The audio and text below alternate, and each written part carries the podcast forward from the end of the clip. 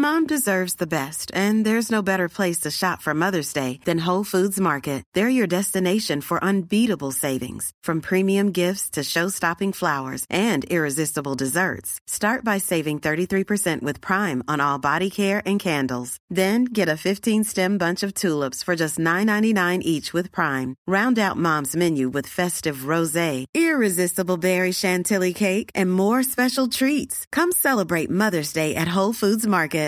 Imagine the softest sheets you've ever felt. Now imagine them getting even softer over time. That's what you'll feel with Bowl and Branch's organic cotton sheets. In a recent customer survey, 96% replied that Bowl and Branch sheets get softer with every wash. Start getting your best night's sleep in these sheets that get softer and softer for years to come. Try their sheets with a 30-night guarantee. Plus, get 15% off your first order at bowlandbranch.com. Code BUTTERY. Exclusions apply. See site for details.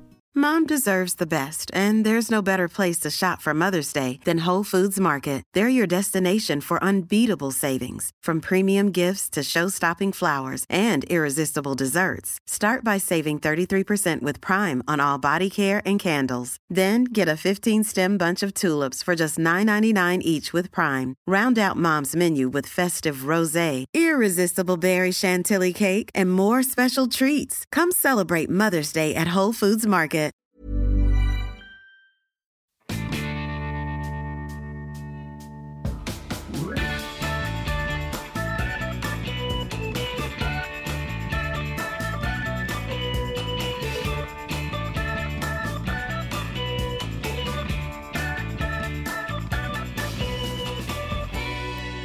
Hallå! Hej! Hej! Hallå! Det, det, det, det är någonting vi, vi, liksom, vi tävlar nästan i att så här, hur ska man säga hej så naturligt som möjligt och ingen klarar det. Nej, alla är superdåliga på det. Jag tänker att det borde ju snart bli naturligt med tanke på att vi har suttit så himla mycket digitalt nu de senaste, det senaste året. Så det borde ju Ja, inte men vara jag, så jag vet varför det blir onaturligt och det är för att vi alla är så artiga och väntar på den andra liksom. Du kan få börja idag. Ja, ja, du här, du, hej, hej, hej, hej, hej, hej, hej. Ja, ja, skitsamma. Hej och välkomna till Funkismorsorna.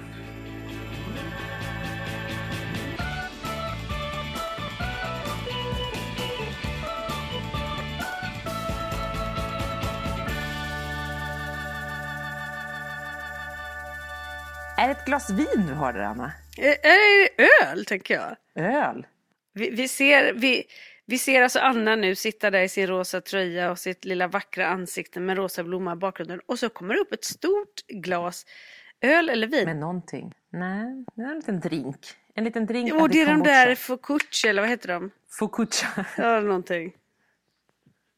Alltså Anna dricker focaccia, jag spelar gitarr för jag har gitarrer hängandes bakom mig och Lisa du, du sitter och väntar på ditt coronatest. Ni är välkomna. Ja. Jag gör faktiskt det. Jag sitter och väntar på mitt coronatest. Jag har haft corona för exakt ett år sedan. Kommer ni ihåg det? Ja. På dagen för ett år sedan. För det var då som Johan flyttade ut och jag fick corona. Allt var ju bara skit och prutt. Alltså gud, det var, det var faktiskt en kaosig tid där då. Det var jävligt jobbigt. kom ni över och räddade mig, det var fint. Men eh, nej, vi har, jag har grannar med corona. Jag har haft en god vän här i helgen som, och det visar sig att hon har corona. Så, och jag har varit ganska trött på ett konstigt vis. Och jag vet ju att får man det en gång till så blir det lindrigare allt som oftast. Så då kände jag att utifrån den vetskapen så måste, då, kan, då måste jag ta mitt ansvar och, och ta ett test och sitta i karantän till jag fått svar. För vi skulle ha setts idag men det gick inte för att Nej. jag har inte fått mitt svar än. Men den som väntar på något gott. Ja, enkelt. eller hur? Vi hoppas Ja. verkligen att det blir just gott också. Ja. Kan man ju tycka då. Mm. ja, vi håller tummarna. Men men. Ja, ja. Eh, hur mår ni?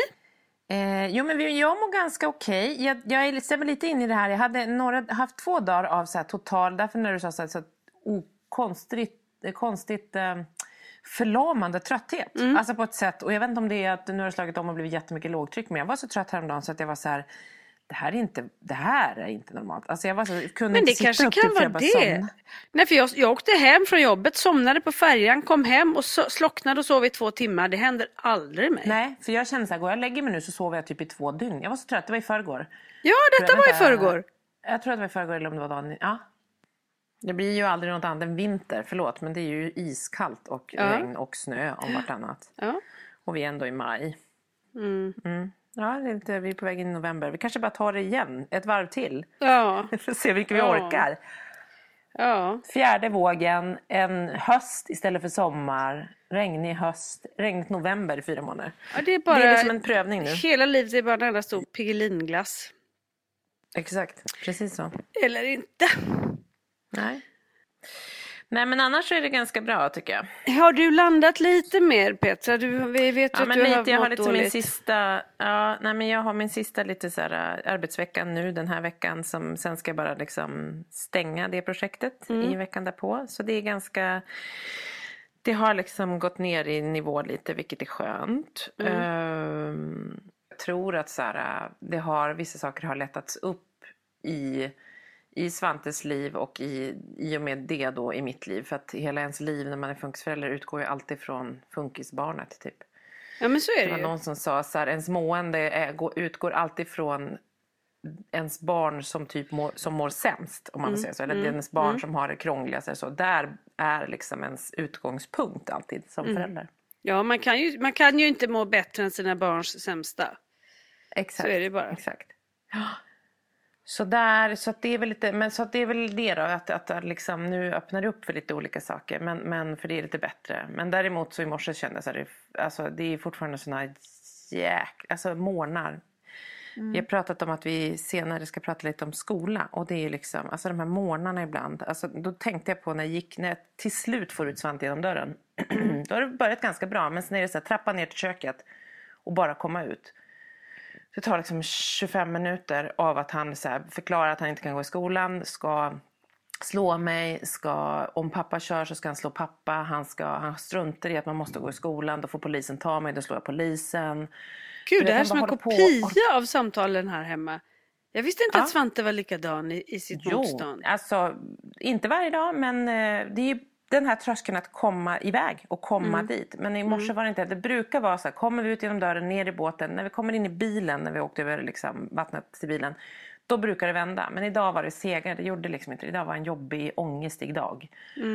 Och han går bara på liksom. Och då kände jag så här, fan det tar liksom... Tänkte så här, fan tänk dig de här föräldrarna som inte... Inte har, jag har börjat tänka på de här föräldrarna för att det ibland också är dagar när vi har det lättare. Vilket gör att man inser så här, jaha, det kan vara lite lättare.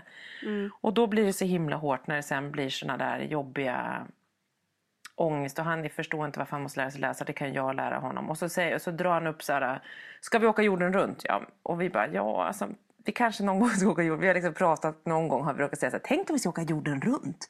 Ja. Köper en, vi säljer allt, köper en, en segelbåt och du vet. Och det är ju Ja, också ja, för så man sitter och drömmer liksom. Nej men och då, och det har vi Skicka någon gång pratat om. Ja, vi kommer skicka vykort. Och det här kanske är att vi kommer göra det. För det här är vår exitplan. För det här kommer också tillbaka till det ämne vi ska prata om, skolgång. Eh, när vi tänker så här, det inte kommer fungera för en Svante så kommer vi aldrig kunna stoppa in honom i en vanlig klass. Utan då sticker vi jorden runt. Alltså vi är så här, då flyr vi. Då kommer vi fly. Så, vi kommer hamna på flykt faktiskt. Det, Nej men jag fattar.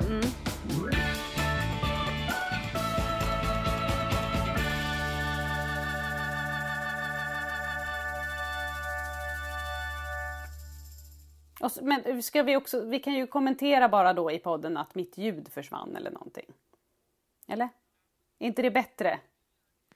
Ja, nu har ni kära lyssnare inte, vi har liksom haft lite tekniska problem här. Så att jag har pratat om att resa jorden runt. Anna har pratat om att Frans eh, målar naglarna. Det kommer ni få höra mer om. Men ingen har hört något av det här. Eller ni kanske har hört att, att Svante är lite oresonlig på morgnarna. Och i samma, att jag då började prata om att han var så här, vi ska åka jorden runt. Där vi slutade där var att han då i sitt morgon, när jag sitter och önskar så här, Tänk dig att det finns de som inte har det här kaoset med polishot och med slag och med jorden runt-resor. Att det finns de som inte har det. Då, mm, för hans, hans grej blev då att kan vi åka jorden runt, kan vi åka i helgen? När vi är lediga. Jag bara, du menar på lördag? Ja, vi åker i övermorgon. och sen så, du vet, så. Så nu är det jorden runt som han går och väntar på. Ja, nu är det jorden runt och det ska ju gärna ske nu. Och jag säger så här, vi måste planera. Det kan ta flera år att planera. Vi har ju planerat. Mamma, vi har ju planerat. Vi kan åka nu. Ja, du vet så. Han, han är redo helt enkelt. Han är redo. Han är redo. Jag känner mig lite mindre redo. Jag sa också det. Det är bara pappa som kan segla i den här familjen. Hur fan ska det gå? Vi kan ju inte. Det är livsfarligt försökte jag. Det spelade ingen roll. Så det är oresonligt. Det, det är roligt att de väldigt sällan ser eh, problem och hinder. Alltså, Ja, det ja. är vä- väldigt mycket som är, är, enkelt. Men jag De ser tänker också- jättemycket problem och inga problem. Alltså de ser ju Exakt, bara problem exakt. ibland. De är så svart eller vitt. Nej, och, och, och, vem, och vem har lärt dem att det alltid ordnar sig då? Ja, exakt. Vem är det som alltid gör så att det ordnar sig? Så nu sticker jag alltså med segelbåten i helgen då med andra ord. Jag bara löser det här. Jag bara löser det här. Ja, vi, vi Okej. står, Ja. vi står och vinkar av. Vi står och Vi vinkar hörs om ett år. Det gör vi väl ändå. Tar emot Vi tar hand om era fåglar och allt vad ni nu Ja, har. lite olika djur får ni ta hand om. Ja. Fast han hade redan planerat att hamstern ska med, Jacko ska med, eh, Agnes. Alltså vi har två hundar, en hamster. Han pratar om en kanin, den har vi inte ens ännu. Men, Men den ska skaffa, också ni med. kan väl ha ett ska flytande zoo tycker Det jag. blir, nej men alltså jag börjar undra, är det Noaks ark? Ska verkligen. Ja, det sa jag. Jag bara, Svante, vet du vad Noaks ark är? Han bara, vad är det? Jag bara, en båt med massa djur, typ. Jag orkar inte gå in. Han bara, alltså man har åkt runt i världen och räddat djur. Ja, det kan vi göra. Vi kan rädda djur, mamma. Kan man tämja en panda? Alltså det var så mycket spretigheter här i herregud. morse som var liksom... Gud vad spännande. Men jag tycker i alla fall att det är så eh, att, att när Frans var liten då så var han väldigt enkel att styra och forma. Han var så här fyrkantig, sa man nej du får inte ta glass, nej du får inte göra det. Då lyssnade han. Det var liksom inget... Eh, Han hade inte så stark vilja nej, själv. Liksom. det var väldigt liksom enkelt så. Nu har ju det här Mm. spårat åt andra hållet. För nu vill han ju så mycket och då blir han så stark i det han vill så att det går liksom inte att komma åt honom. Häromdagen gick han och hämtade glass eh, och det har han ju alltid frågat om innan. Och så sa men vad gör du? Jag ska äta glass. Nej, men vi ska ju äta mat Frans. Nej, och så går han till köket med det. Och då känner jag så här, ja, jag orkar inte gå vidare i den här konflikten. För jag vet att jag inte kommer nå Pick your fights. Mm, det, det kommer bara bränna massa energi. Och han har fått en ny låsning på att han vill måla naglarna. Eh, Låter ju eh, kul, men inte jättekul. Bra låsning ändå. Ja, både och. när han då kommer ner i att mamma alltid är köket. så fint nagellack. Ja, men han kommer ner i köket med så här illcerisa liksom naglar och även eh, nagellack Han på har huden. god smak i alla fall. Mm, också lite, ni vet så här trashigt utanför. Visa fingrar. Då fattar ni ju att man får nästan hjärtinfarkt. Alltså kaninpulsen upp till För badrummet. var, var är resten av Mm, nagellacket? jag ser ju framför mig hela badrummet cerisrosa och luckor och golv och allting. Kommer in, nagellacket Mm. står där på handfatet och, och inte en droppe. Han har liksom fixat det här så det var ju, det var ju för väl. Men han har ju också använt hela flaskan Ja. typ så att det kommer ju aldrig torka för det är för tjockt liksom. Eh. Så det var ju bara att plocka bort och då är vi ändå Han ska inte med- starta salong. Nej, ingen nagelbod eller något sånt där ska inte Frasse ha. Det Nej. känner jag. Nej. Men då i alla fall så säger vi så här, nej du får absolut inte göra det här. Det kan bli liksom märken, det här måste mamma liksom göra på dig, du får inte göra det själv. Nej, då har han ju gått och gjort det här flera gånger själv ändå. Och jag känner liksom att han struntar i vad jag säger. Han har ju Mm. fått en låsning på att han ska duscha varje dag efter skolan. Eh, och då tycker man ju det så här, men toppen, han är hygienisk och det är väl jättehärligt. Jo, fast det är också lite jobbigt att ungen alltid måste upp i duschen och, och han ska föna sitt hår och han liksom tar nya kläder. Men vänta, äh, vänta, han duschar och fönar håret Ja! och målar naglarna. Har vi något Han liksom... är du! Ja, han Ja, är jag. verkligen! Ja, fast jag, jag duschar ju inte och fönar ju inte håret varje dag som han gör. Duschar kanske varje dag, men inte, inte Men han vill vara fin. Mm, han vill vara Var fräsch. kommer det här intresset ifrån? Ja, ju. alltså nu har han ju fått, jag tror att det blir liksom fixidéer vid att man måste duscha varje dag. Sen är det ju, det är ju bra, det är inte, jag ska Mm. inte gnälla på det för mycket. Men ni fattar så här att när man känner att det blir så starkt 100 procent. att han, Mm. saker han gör, antingen så vill de inte göra alls, då gör de inte det. Eller så vill de göra det, då blir det så mycket. Det känns Mm. Ja, men som de är av eller på. Ja, det finns ingen det är balans. svart eller vitt. Fi- nej, finns inget däremellan. finns inget med- det och de är ju helt... Ja, och de går ju inte att resonera med. Nej, och då tycker jag det här som du säger då med Svante om skolan, att man kommer liksom inte vidare. Att med ett annat barn så kanske du kunde ha sagt så här, fast du vet ju också att man måste gå i skolan, det är skolplikt och så vidare. Här känner man att man når ju inte fram, för de har ju svar på allting. Det blir liksom stopp direkt. Ja, ja, ja, Kalle han, han är så pragmatisk som allra helst. När han går här och skriker om att han inte vill gå till den där jävla skolan också, han, han, han kan ju inte prata rent, och, men han går och svär så att det bara skriker om det. Alltså, det låter ju så roligt och det kan jag ju inte skratta åt. Jag får ju liksom vara så här, Han behöver verkligen inte skolan. då. Ja, exakt. Jag säger det. Du kanske kan lära dig lite bokstäver. Jag säger det ibland. Han bara, Ja, inte bokstäver! Nej, fast du behöver det. Ja, i alla fall då när han säger, nej jag vägrar, jag ska inte gå i skolan och man, man, man får Dan inte tätt till mig, jag jag löla. Jag bara, nej okej. Eh, Men du vet det att om du, åker, om du inte åker till skolan, då kan jag hamna i fängelse. Jag, försöker, jag drar det liksom ett varv till, för Ja. det är skolplikt och sådär. Nej men det var inga problem tyckte han, för då berättade han för mig att mamma, eh, när man har suttit i fängelse ett tag så kommer man ut igen. Ja, jag tänker också att han kanske tyckte det var lite vilsamt att dig. du satt där och skakade galler och liksom han fick lugn och ro och göra som han ville. Ja, men han var ändå så här liksom att, ja men. Förr eller senare var- kommer man ut. Det är ju inte så att du sitter där för alltid. Ja, jäkla ungar.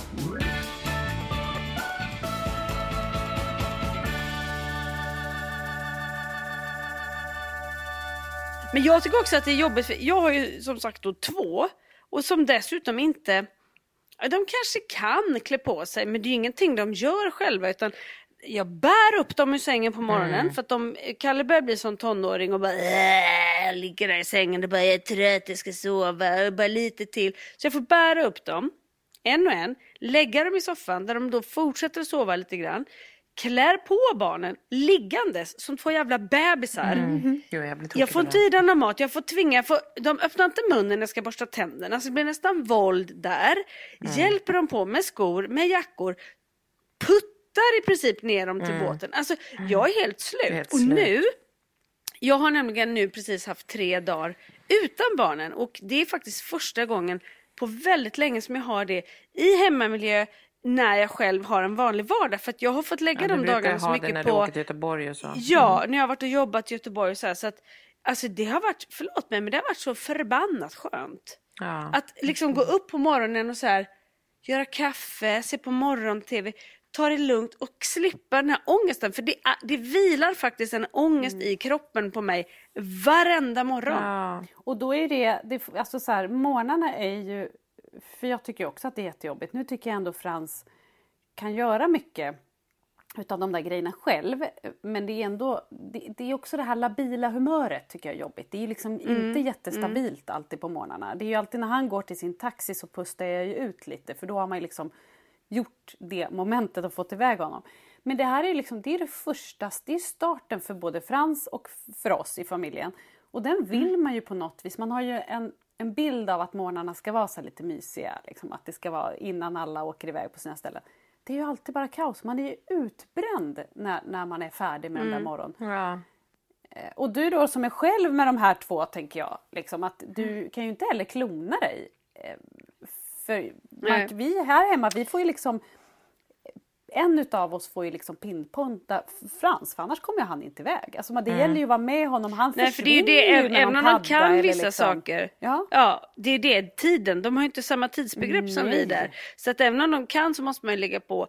Eh, men i tillägg till det här så bråkar de med varandra 24-7 för tillfället. såklart. Ja, fy fan. Alltså, och de har lärt sig exakt vilka knappar de ska trycka på. Och Pelle är ta med tusan den mest lättkränkta människa jag har stött på i hela mitt liv. Roligt att du tar hans parti.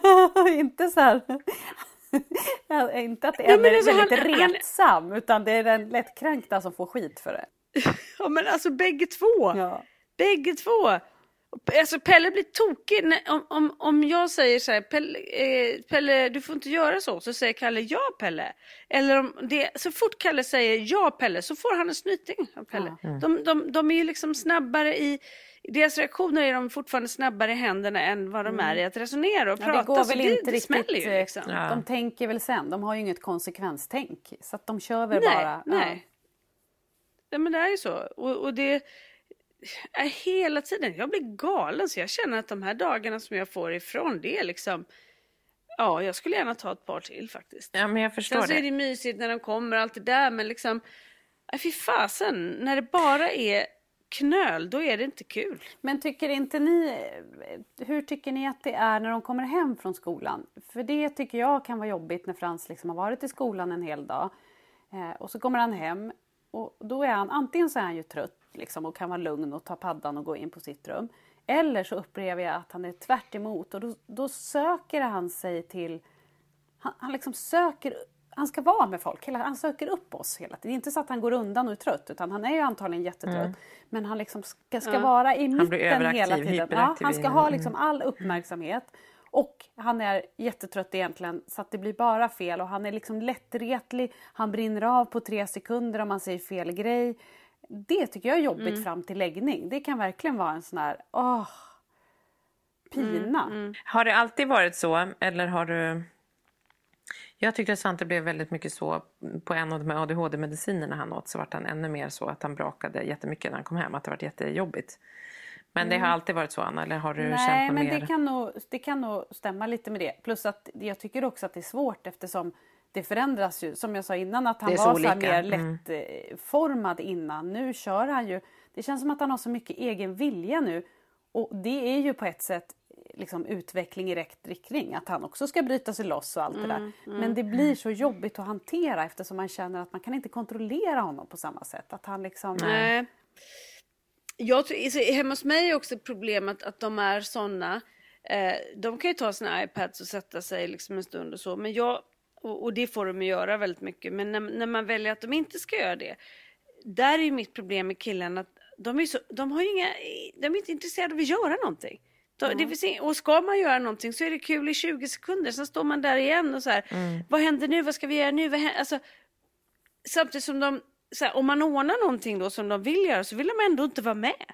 Så att det blir liksom, det blir så in my face hela mm. tiden för att de har men du inget skulle... annat liksom. Nej men, nej men precis och då har de ju också varandra att hålla på och reta hela tiden. Det blir som en sysselsättning på något vis. Ja, men jag exakt. tänker så här, skulle de inte kunna, det man, det, en, en, något som skulle kunna vara är ju att så här, eh, om det skulle kunna gå att så här, ibland att, att ni, ni båda föräldrarna tar, inte tar varsitt barn att de ska bo där i flera dagar men att man så här, lite bryter upp dem ibland. Mm. Kan det vara Vi gjorde ju det i helgen ja. per automatik för att um, Kalle var på sitt nya kortis. Ah, okay. Lördag till söndag. Han har ju bytt grupp och får vara med den äldre gruppen. Och det var ju liksom...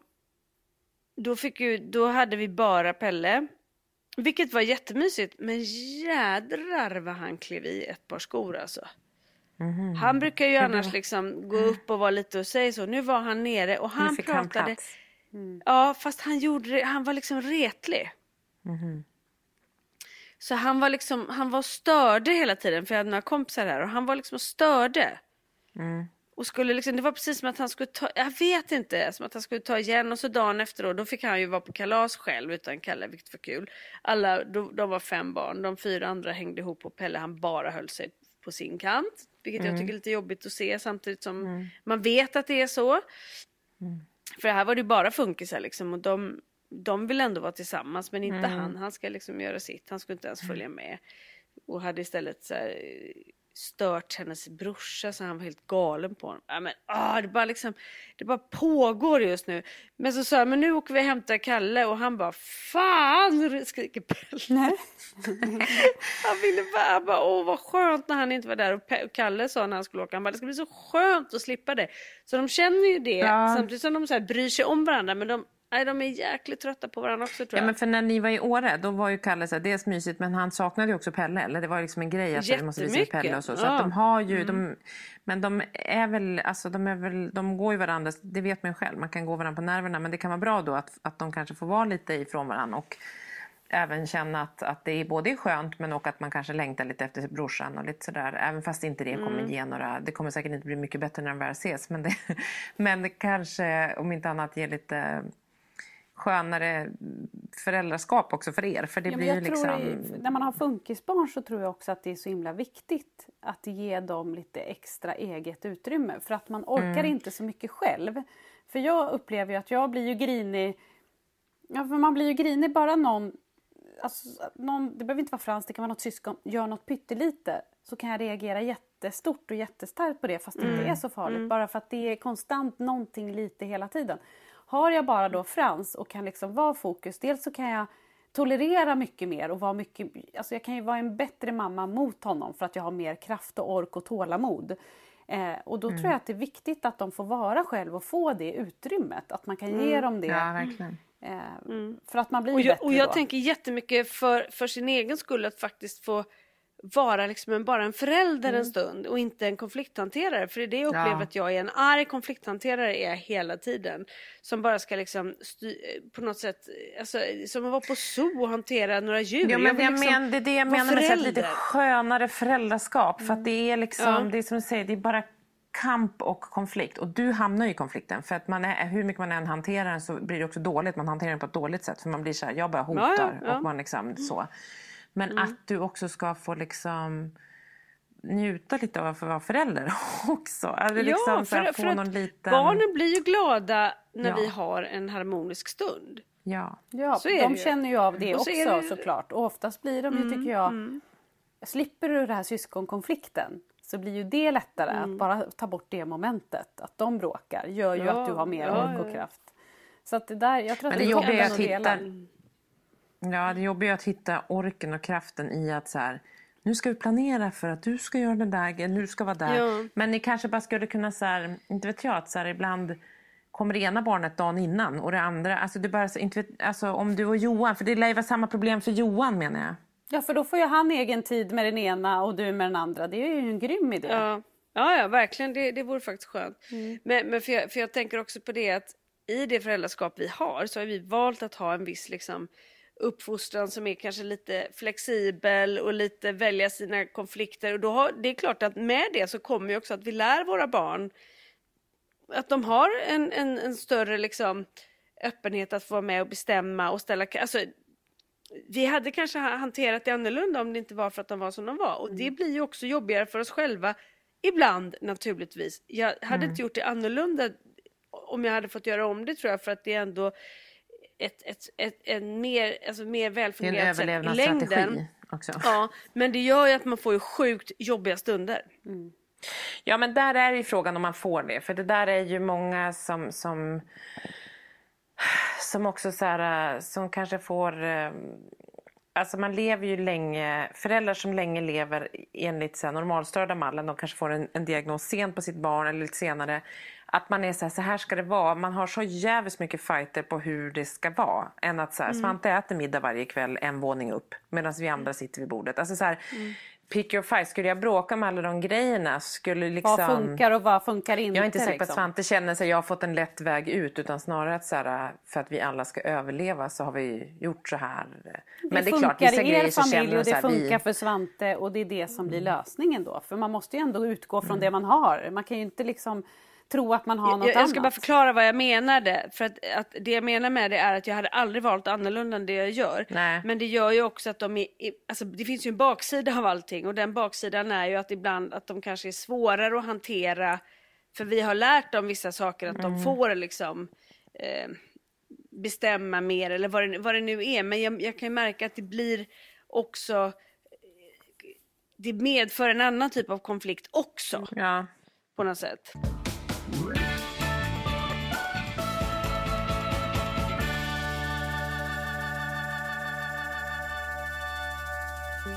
Men sen är väl problemet också det här att att de, är, som du säger, ja, men de blir mer vana att bestämma och sådär. Jag upplever ju att, att liksom Frans är ju starkare. Jag når ju inte honom på samma sätt. Jag kan inte styra Nej, över honom nej, på samma sätt. det går ju inte. Nu har han också börjat med att när han blir arg så gömmer han saker. Är det någon av era barn som gör det här? Alltså han gömmer gärna Apple TV-dosan. För det vet han att Jaha. syskon blir arg. Om, om Mm, han, blir arg. Ja, är han i konflikt med syskon, till exempel Melvin sitter och tittar på fotboll eh, och så vill Frans vara där och kolla på film och så är det en konflikt dem emellan. Vi har ju också flera tv-apparater så man förstår ju inte konflikten men Frans har en lås när han ska vara där. Då stänger han alltid av för det första. Otroligt störigt när någon stänger av när man sitter och tittar på någonting. Sen snor han gärna Apple TV-dosan, gömmer den. Den kan vara var som helst. Eh, häromdagen, jag har i sovrummet en hylla med massa så skor som står. Lite så eh, förvaring men ändå lite fint med mina så här klackskor typ. Kom jag upp i sovrummet, då var han arg på mig den här dagen ska jag säga. Och så kom jag upp i sovrummet och bara jädrar vad tomt och konstigt kändes här inne. Och så bara, nej men skorna är borta. Då har han gömt, då har han tagit alla mina de här par skorna och gömt under sin egen säng. För då gör han det för han tänker så här, de där gillar mamma, de där är fina. Då ska jag straffa henne. Han straffar dig. Ja, Henrik letar, han bara, har du sett mina snusdosor?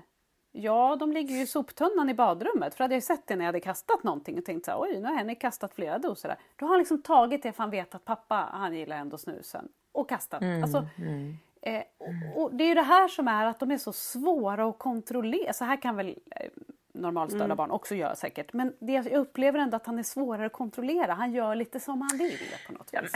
Han kanske är svår att kontrollera men han är också så här, han försöker kommunicera. Han har svårt att kommunicera tänker jag. För det är det han gör när han gör det där. Han är ju ganska tydlig i sin... eh, Han är ju besviken, han är ju arg. Han ut, ger ju uttryck för någon arg känsla och någon jättestark känsla så han tar det Jag som tycker, han, betyder jag tycker han är jävligt ganska mycket. fiffig. Här får Jag du tycker han är jävel. fiffig och väldigt tydlig. Men han är ju inte en som kan verbalisera lite hur han... Han kan inte sitta Nej, ner och bara säga mamma så här tänker jag. Utan han bara, nu är jag arg. Han känner att han är arg på mamma på något vis. Då tar han alla hennes klackskor och gömmer dem under sängen. Det var ju ändå ganska uppenbart. Men snusdosor eller Apple TV-dosan kan ju ta ett tag innan man upptäcker att det är borta. Och då har ju Ja, han ja, ja. antingen gått och lagt sig och ser vi utan Apple TV-dosa hela kvällen.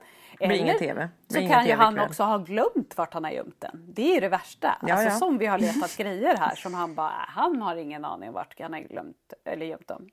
Vi, vi har ett ställe att leta på när saker och ting försvinner i hemmet och det är i Pelles säng. Ja. Han hamstrar. Det är för att han är en hoarder.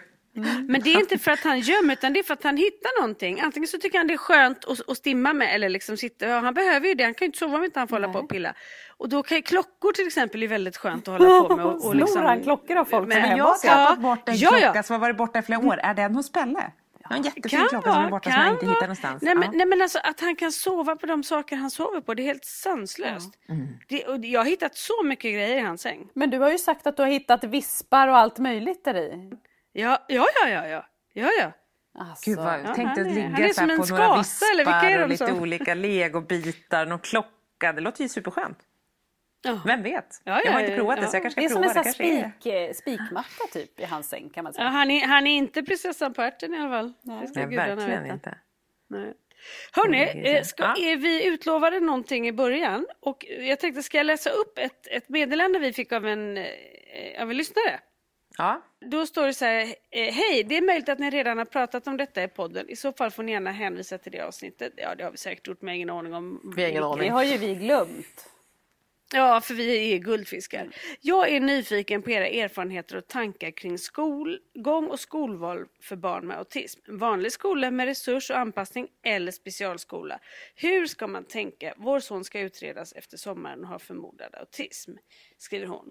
Eh, Och den här frågan tycker jag är spännande för att eh, dels, ja, vi, vi vi har ju autism alla tre, men jag har ju också då barn med utvecklingsstörning och har en möjlighet att välja.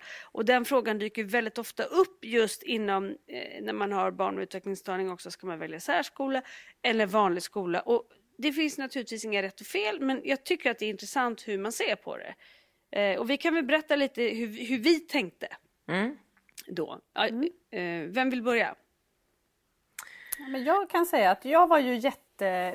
För mig var det verkligen så att jag ville att Frans, allt skulle bli som vanligt. Det var mitt enda liksom, fokus när Frans fick sin diagnos. Oerhört märkligt, men det var ju så jag var då. Jag ville liksom köra den här Du tänkte att han ska gå i vanlig skola men gärna med något stöd liksom, så att eller? han kan börja. Nej men först tänkte jag kanske, alltså man visste ju inte så mycket. För att, vad trodde du att det skulle ge honom? Nej, men, ja men det var ju det som var grejen att, att jag gå i nog, i min, där jag var då så ville man väl att, Mm. man ville väl hitta ett sätt som gjorde att inte det här skulle påverka ens liv. Jag tror det var det det handlade om. Att man Nej, ville att nej, det liksom skulle... Ja, mm. Eh, Men det där ändrade sig väldigt, väldigt snabbt. Eh, För det jag kom fram till, eller vi kom fram till, både jag och Henrik med Frans, det var ju att först och främst så gick han en vanlig skola ska jag säga först. eh, Med resurs. Den här skolan, Förskoleklass. Precis, men den här skolan hade haft en, en egen grupp för eh, tal och sp- språkstörning. Vilket Frans också hade. Men precis det året Frans började så tog man ju bort alla de här mindre grupperna för alla skulle då inkluderas i vanliga klasser. Eh, och Frans skulle då få en resurs. Inget utav det här skedde ju riktigt. Det var ju en resurs men det var ju en klassresurs. För det är ofta så det ser ut. Att klassen får en resurs, inte liksom Frans en egen resurs. Nej precis, man vill inte pinpointa så Nej. utan man ger det till klassen. Ja, Ja. och det var ju alldeles för svårt. Eh, det slutade ju med att vi satt i möten med rektorn var och varannan dag. Det var en enda lång fight. Man kommer dit och hämtar, det var liksom ren förvaring. Eh, alltså det var, det var verkligen bara ångest över det här. Och vi insåg ju också att för vems skull gör vi det här i sådana fall? Mm. Eh, för oss är det ju viktigare att Frans är på ett ställe, ett sammanhang där han känner att han att han inte behöver rätta sig utan där skolan rättas efter honom, efter hans Anpassar svårigheter. sig, ja. Ja. Mm. Och då fick vi ju plats på Helleborus där han går nu som vi är supernöjda och glada över och det är typ det bästa vi har gjort. För det som också sker när man byter till en sån skola, ett så träffar man andra föräldrar, likasinnade och man känner liksom, man har något gemensamt och Samhörighet. Mm. Man behöver inte vara den här mamman som, som är mamman till det där speciella barnet som, som alla tisslar och tasslar om och som verkar så märkligt och de vet inte riktigt vad det är och hur ska de bete sig. Och det här barnet som kanske inte blir bjuden på klass, alla kalas eh, till klasskompisar. Och det blir Eller lite... där de känner sig tvingade att bjuda. liksom, Exakt, och så, blir det vet de inte hur de ska Mm. hantera det. Här kommer man till en skola där alla är eh, alla har liksom samma typer av problematik och man Mm. kan också utbyta saker med varandra, föräldrarna, vilket ger lite stöd.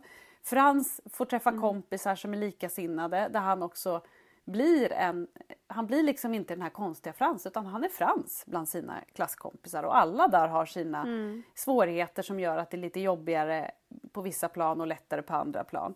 Jag tycker bara att det har varit positivt. Men sen så ska man ju utgå från barnet. Nu har ju Frans sådana svårigheter att han inte kan gå i en vanlig skola utan resurs. Och går han i vanlig skola om han skulle ha en egen resurs så skulle det ändå vara svårt ju äldre han blir för han skulle sticka ut mer och mer bland sina kompisar. Så det där, alltså det går ju inte att säga vad som är rätt eller fel tänker jag. Utan det är ju snarare... Nej men det, det, det, nej men det är det jag tycker är intressant, att man kan bara utgå från sina egna behov där. Och jag vet, jag vet till exempel att det, det är jättevanligt när man har barn med, med, med utvecklingsstörning att, att många tänker eh, att de inte vill att de ska gå i särskola därför att de också de får inte heller den här utmaningen som de får i en vanlig skola liksom i att försöka vilja hänga med utvecklingsmässigt och så. Jag vet att det har liksom eh, varit, var, var, att, att många är väldigt delade i sina tankar och, sina, och sin vilja kring det. Och en liten oro ska jag bara säga också att man tror att, för så trodde, tänkte vi mycket och så är det lite, det här att är man med likasinnade så tar man ju efter det beteendet. Alltså Frans lekte ju kanske bättre när han gick på den andra skolan för då tog han efter deras lekbeteende. Ja, du menar de- att som Lisa säger att, att, att, vad heter det, att eh, man inte då hänger med, att så här, man kan ta med sig utveckling för att de andra utvecklas så att man härmar det. Men du tänkte att oron fanns att man härmar de som då kanske utvecklas långsammare. Ja, men du, det är lätt att ta efter problembeteenden när man, när man är med likasinnande. Och så är det ju faktiskt. Men där får man ju väga för och nackdelar.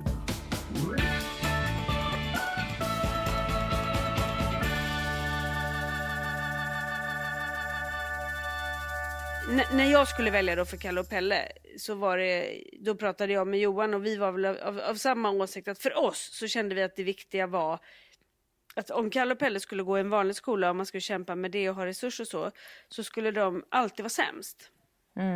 De skulle alltid känna att de inte nådde upp till det som de andra har. Även om det säkert var utvecklande för dem eh, och kunde vara det. Och de var ju så små när de gick i förskolan och så, så att det, det, det liksom, då är barn inte lika stor skillnad på. Men när det gällde att börja skolan, då var det för mig helt självklart med särskola.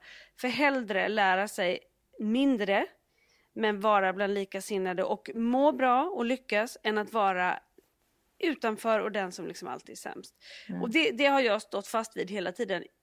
Jag kan se ibland när Kalle leker med barn som är normalstörda eller som kan mer så ser jag att det händer väldigt mycket med honom. Och det skulle jag vilja ha. Jag hade önskat att de fick vara lite mer integrerade i den vanliga skolan.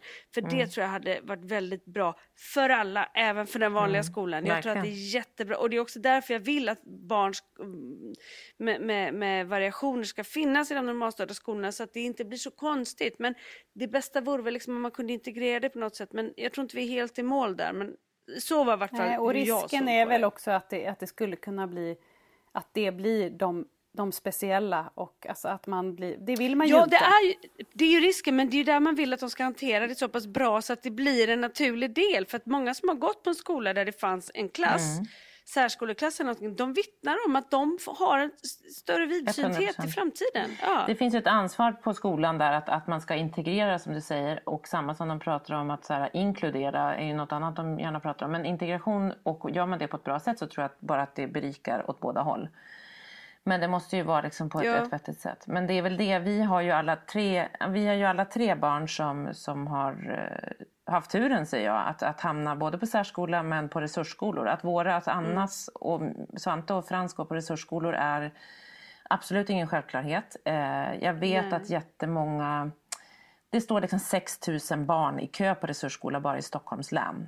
Det är liksom, så att det är, det är jättesvårt att få plats där. Så vi har haft svintur. Och det avvecklas väl? Och det Hela avvecklas. tiden. Eh, Vi ligger ju risigt till igen här. Så att, Nu ligger Täby Är det så? risigt till igen, Helleborus Täby. Så att det är liksom, det är ju vidrigt. Hela skolgången är ju, har så många utmaningar. Även i resursskolor. Men, men ett barn med autism har man en skola, en mindre skola där man känner att de verkligen, verkligen, verkligen kan anpassa miljön och man tycker att det känns bra och man kan få resursstöd och så vidare. Det är så otroligt många saker som måste, jag tänker utifrån den här mamman som har mejlat till oss, som måste fungera för att det ska bli en fungerande skolgång. För jag tycker för alla och det är väldigt svårt. Svenska skolan har absolut inte lyckats med inkluderingen och hur miljöer. Jag har liksom flera av mina nära kompisar som, som slår sig blodiga. Både att få överhuvudtaget få barnen till skolan, flera hemmasittare, mår dåligt, är liksom i Svantes ålder, mår psykiskt dåligt, kan liksom inte få, som både har olika NPF-diagnoser, bland annat autism, ADHD, språkstörningar, som liksom ändå är inne i den vanliga skolan. De får inte plats på resursskolor, de har ställt sig, de också har ju velat längre att säga, nej men det går nog med resurser, man litar på att skolan säger att vi ska hjälpa till och så vidare. Och det är jätte, jättesvårt. Och det är som du är inne på Lisa, att så här, hamna i en skola där man alltid är... Har man också kanske en lindrigare, alltså så här, man kanske har bara någon NPF, ADHD eller man är högfungerande autism. Att man märker att de andra springer ifrån en, att man inte liksom... Det är jädrigt jobbigt för barn. Alltså det är så här, hellre lyckas, som du var inne på Lisa, än att känna att man också misslyckas. att hamna i ett sammanhang där man känner att man är med likasinnade tror jag är ganska viktigt. Ja. Att man inte känner Ja. att man är sämre eller man 100%. Sticker ut för mycket utan man är en i gänget. Nej men precis. Ja, jag vet tyckte det var mycket- bra som du sa också Anna, att även som förälder att man faktiskt träffar andra föräldrar där. Det är ju liksom en, en en plattform på något sätt för hela vår värld där vi befinner Ja. oss i. Ja.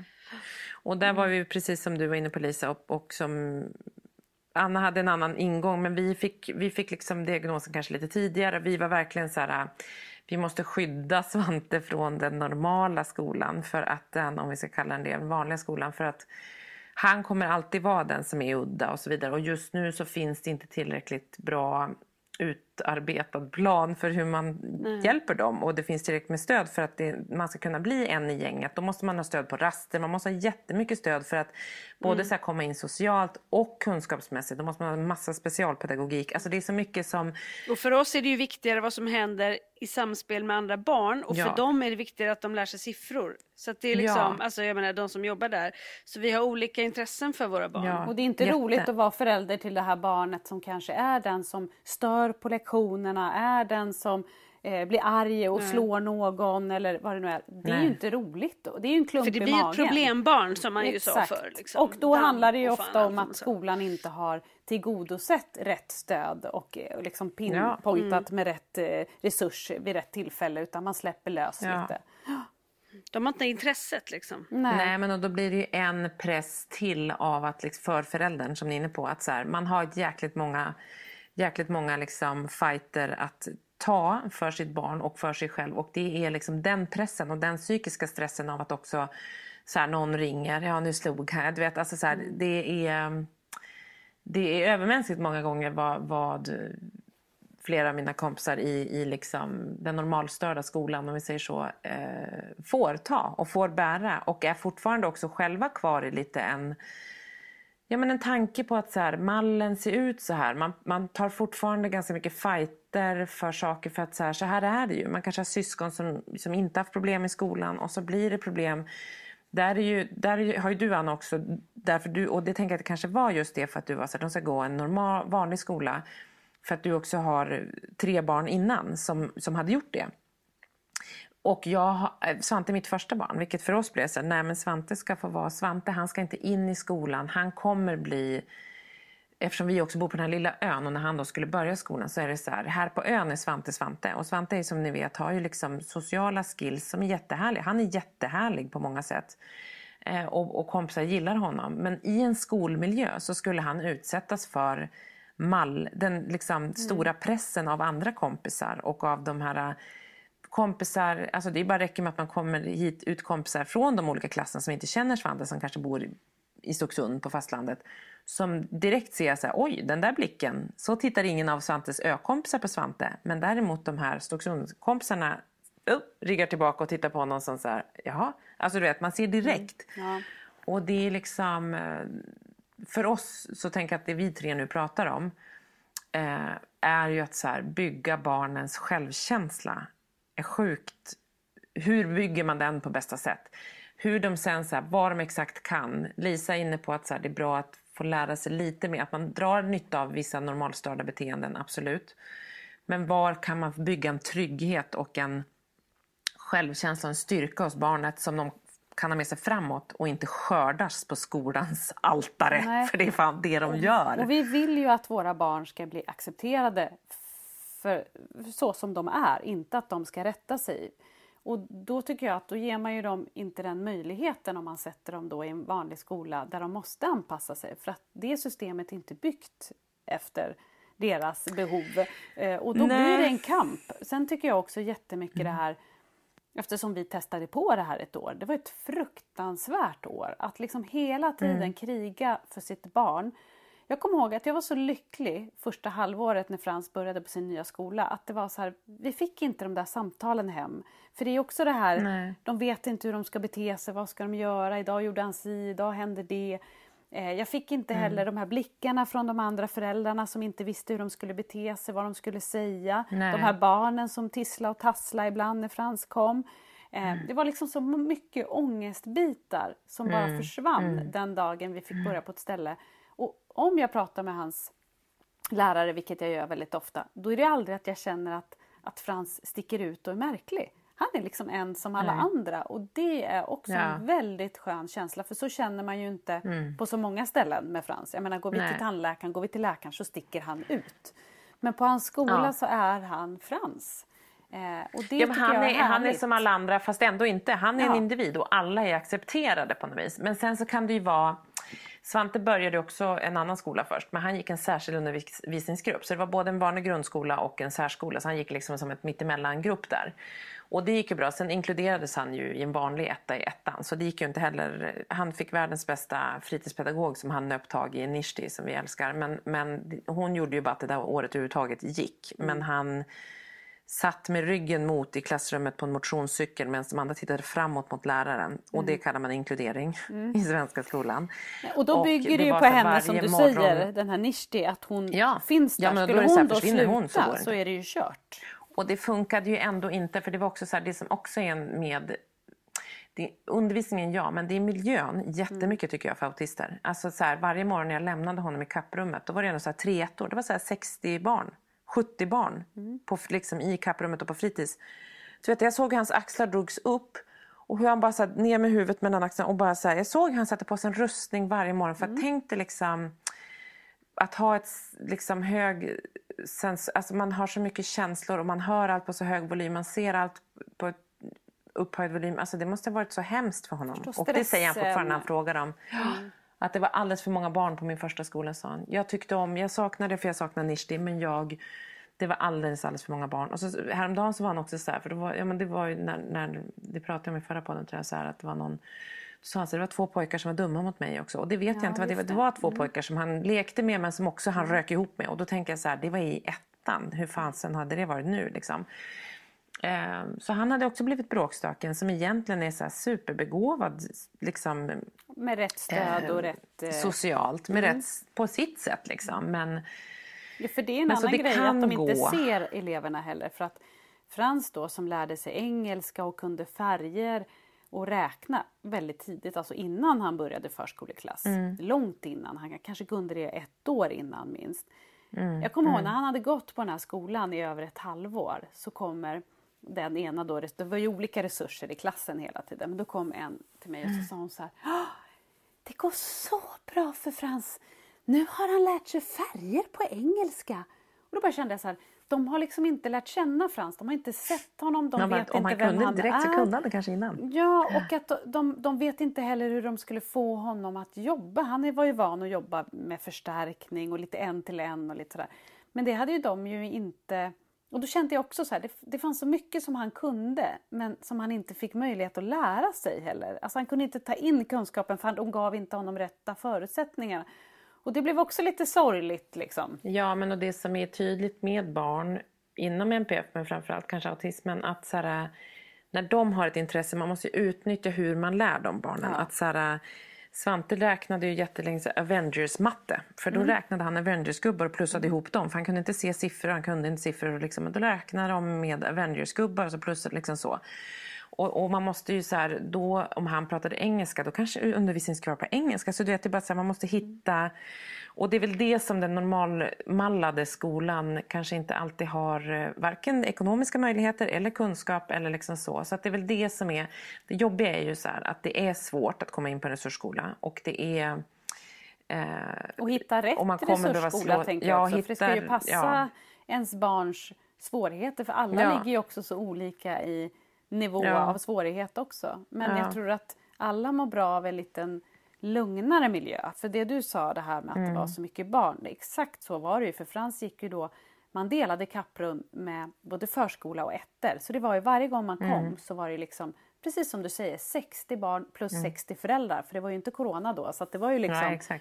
ja, och jag har aldrig sett så mycket föräldrar i ett kapprum. Jag kommer ihåg att jag reagerade på det också. Att alla föräldrar stod där inne, gärna både mamman och pappan varje morgon.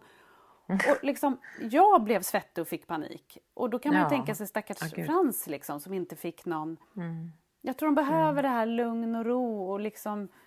Även om de fixar det så kanske de mår bättre av lite lugn och ro. För att, jag menar, det var inte så att Frans uttryckte då att här, jag klarar inte av att gå till skolan, jag mår dåligt. Men efteråt så märker man ju att han fick ett annat lugn när han började på sin nya skola.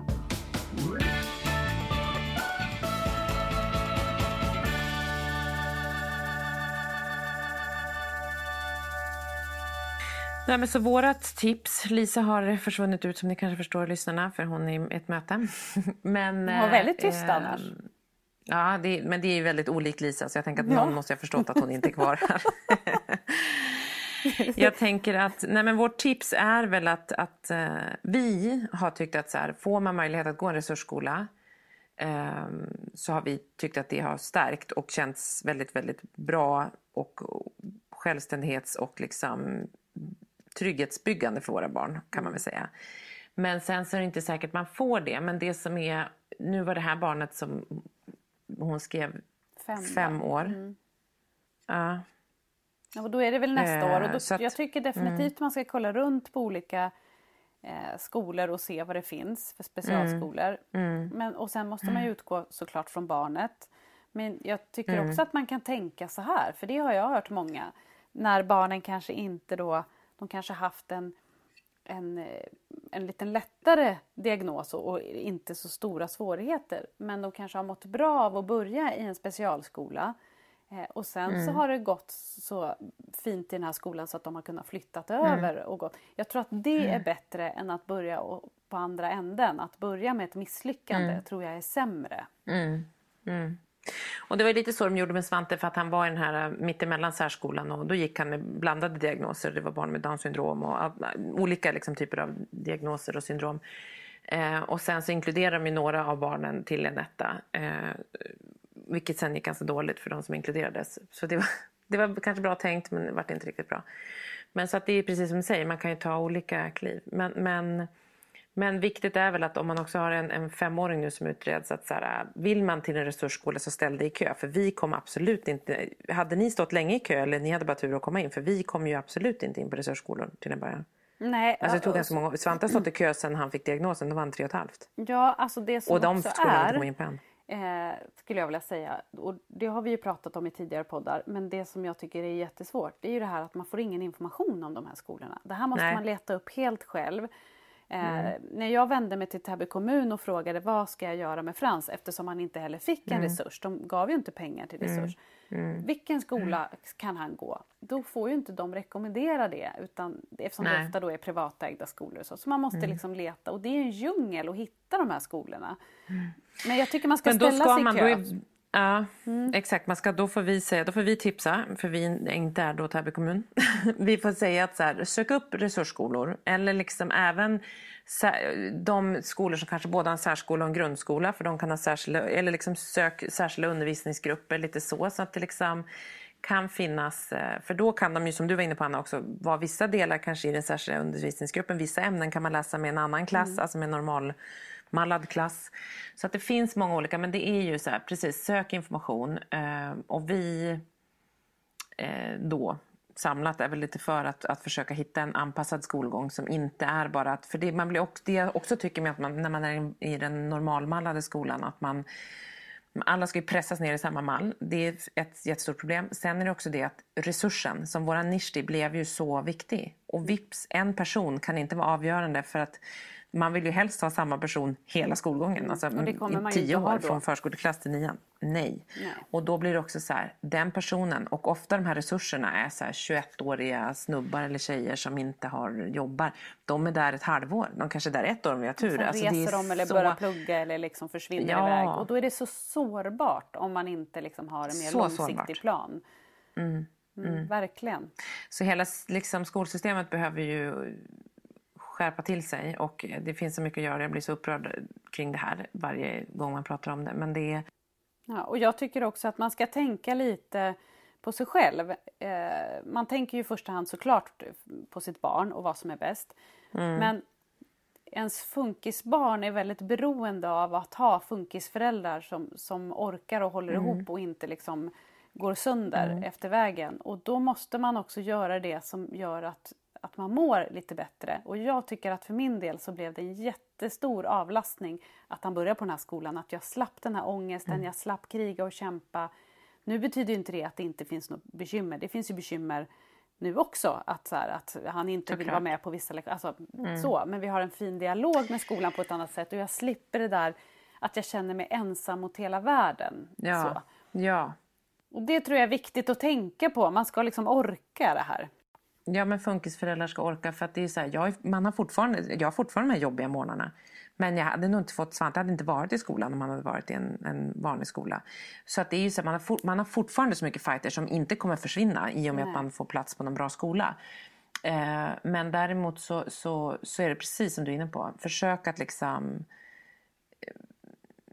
man kommer ändå behöva kämpa så mycket. Så att om man kan få ordning på skolan, och skolan är en så stor del för våra barn, för det är jättemycket tid de spenderar där, det är många år och det är liksom och det är mycket kämpande för otroligt många föräldrar och barn där ute som har hamnat fel i skolan just nu. Och just det här att de också anpassar. Det här har jag ju berättat i någon podd tidigare. Men det är så otroligt fint tycker jag att Frans tjejkompis fick ju bjuda ut honom. Hon frågade om Frans ville följa med och äta på Max. Han älskar ju Max och det visste Jaha, hon. ja. Eh, och då frågade hon Vadå för tjejkompis? Någon i klassen? Ja, och då frågade hon om Frans ville följa med och äta på Max och det ville han. Eh, och då åkte de ju då på skoltid, alltså det var ju liksom skolan som gjorde det här. Eh, och en lärare följde med och de satt där och åt liksom sina nuggets och satt och snicksnacka och så åkte de tillbaks till skolan. Och då kan man ju tycka, syskonen här hemma var ju helt så här va? Ja. han göra det här på skolan? Det är helt Max. sjukt, vilken lyxig skola. Ja, det är jättelyxigt. Men anledningen till att de gör det är ju för att de tränar dem på andra saker. Jag menar, Träva för livet. Mm. Frans syskon de gör det här per automatik. Att en dag när de känner sig tillräckligt stora så Ja. får vi åka till Täby centrum och så äter de där med en kompis. De har med sig egna pengar. Det gör ju inte Frans och han behöver stöd och hjälp. Nej. Och då fick de liksom testa på det här. Och den här tjejen fick ju också öva på att gå fram och fråga. Vill du följa med mig? Alltså det var ju så mycket träning i det här. Och så himla härligt. Och sådana saker Ja. får du ju inte på en... De har ju inte tid och resurser till det. Eh, våra barn behöver liksom träna socialt, inte bara liksom att de ska lära Nej. sig läsa och skriva utan de måste också få Nej, den där precis. biten.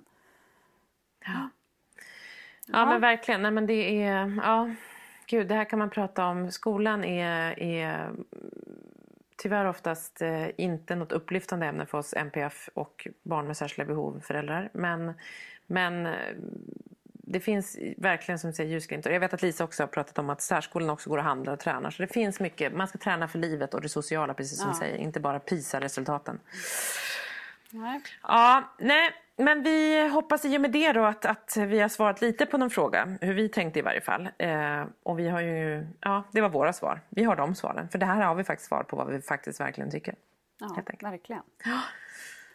Hörni, tack snälla för att ni har lyssnat den här veckan. Eh, och tack Anna, tack Lisa som försvann. Eh, men vi... Eh, Det är så roligt att vi Ja, vi droppar nästa- av en efter en. För- För två veckor Ja. sedan så försvann jag och jagade en valp och liksom, det är alltid någonting. Ja, och i morse, nu i, eller i, morse, nu i början av det här för- programmet försvann ju du också så jag vet inte hur det kommer bli det här. Men, men vi ser vilka som är Ja. kvar till slutet. Ja. Någon är kvar. Hörni, puss och kram på er. Puss puss! Vi hörs snart igen. Hej hej! Puss och kram, hej då!